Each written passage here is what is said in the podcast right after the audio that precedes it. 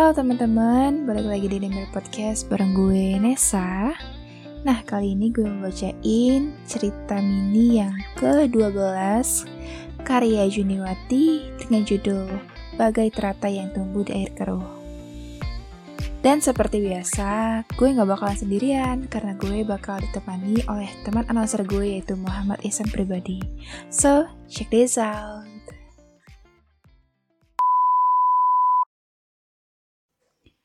Bagai teratai yang tumbuh di air keruh. Sudah menjadi kebiasaan bagi Askia untuk pulang paling akhir setiap ekstrakurikuler basket berakhir. Dia memanfaatkan waktu untuk melatih kemampuan bermainnya yang dianggap kurang. Dia tidak sendiri. Ada seseorang yang setia menunggunya dari kejauhan dan tidak pernah Askia sadari keberadaannya. Perlu kalian ketahui bahwa Askia merupakan anak yang terasingkan di sekolah karena kondisi keluarganya yang berbeda dengan teman-temannya. Namun dia tidak pernah merasa rendah diri. Baginya, selama dia hidup dengan melakukan hal-hal positif, mengapa harus merasa minder dengan perkataan orang? Pada dasarnya, orang hanya melihat dari sampulnya, bukan isinya. Sore itu, saat bermain, Askia mengalami kecelakaan dan dia menahan rasa sakitnya sampai akhir permainan. Dengan berakhirnya permainan, maka berakhir pula ekstrakurikuler hari itu. Untuk sore itu, Askia memutuskan untuk pulang lebih cepat dari biasanya.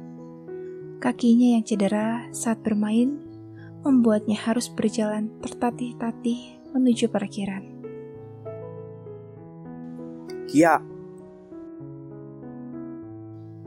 Gadis itu menoleh ke arah sumber suara dan melihat Nevan, si kapten basket yang dingin, berjalan ke arahnya.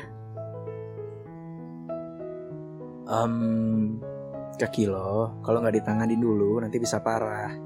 Ayo, duduk di sana. Nevan memapah Askia menuju bangku yang tidak jauh dari tempat mereka berdiri. Gadis itu masih kaget dengan sikap laki-laki yang ada di hadapannya itu. Nevan berjongkok di hadapan Askia, lalu melepaskan sepatu gadis itu. Maaf. Ujarnya lalu memijat di area sekitar kaki Askia.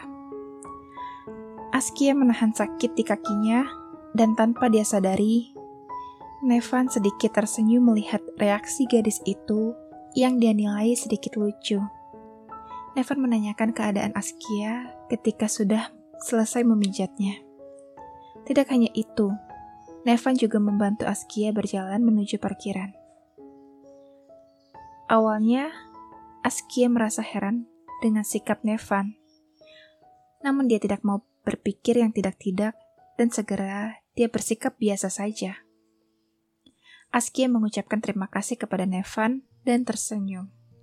Lalu, dia berpamitan pulang. Sementara itu, Nevan masih terdiam di tempatnya memperhatikan gadis itu pulang dengan sepeda motornya.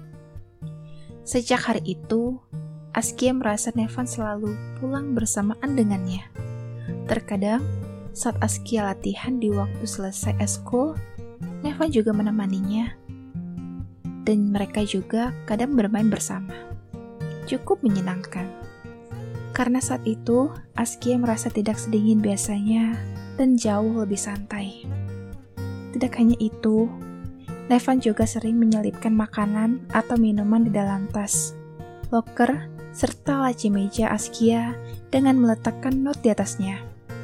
Nevan dan Askia juga satu kelas.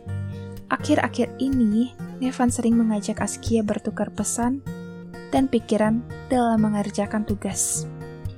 Hubungan yang awalnya biasa saja kini berubah menjadi hal yang jauh dari kata biasa. Hingga pada waktu sebulan sebelum ujian nasional, Nevan mengajak Askia untuk menemaninya ke sebuah toko buku. Askia pun menyetujuinya dan mereka bertemu pada hari yang dijanjikan. Saat sedang asyik berkeliling, tiba-tiba Nevan datang mengagetkan Askia dan menyodorkan sebuah tote bag. Askia mengernyitkan dahinya seolah bertanya, apa yang ada di dalam tas itu. Saat dibuka, Askia melihat ada sweater hitam di dalamnya. Untuk apa? Tanya Askia. Tanda terima kasih. Jawab Nevan sambil tersenyum. Hah? Askia masih bingung dengan yang dikatakan Nevan. Laki-laki itu mendekatkan wajahnya ke telinga Askia. Terima kasih karena sudah jadi mood booster gue. Lo adalah positive vibes buat gue. Dan Dia menjauh dari wajah Askia. dan senyuman lo menjadi candu buat gue. Terima kasih karena untuk semuanya.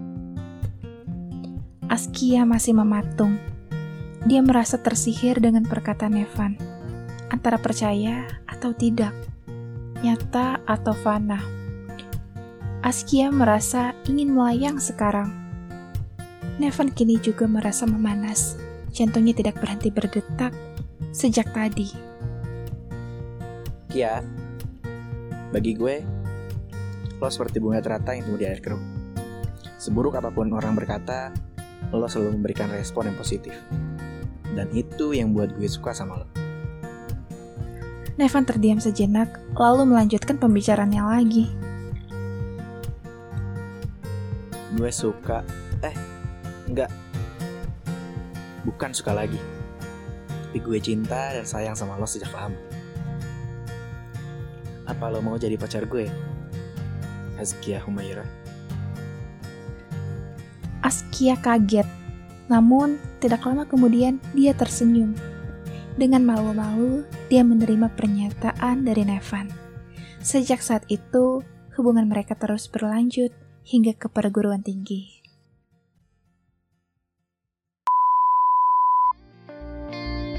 Oke teman-teman, itu tadi cerita dari Kak Juniwati. Stay tune for the next podcast. See you!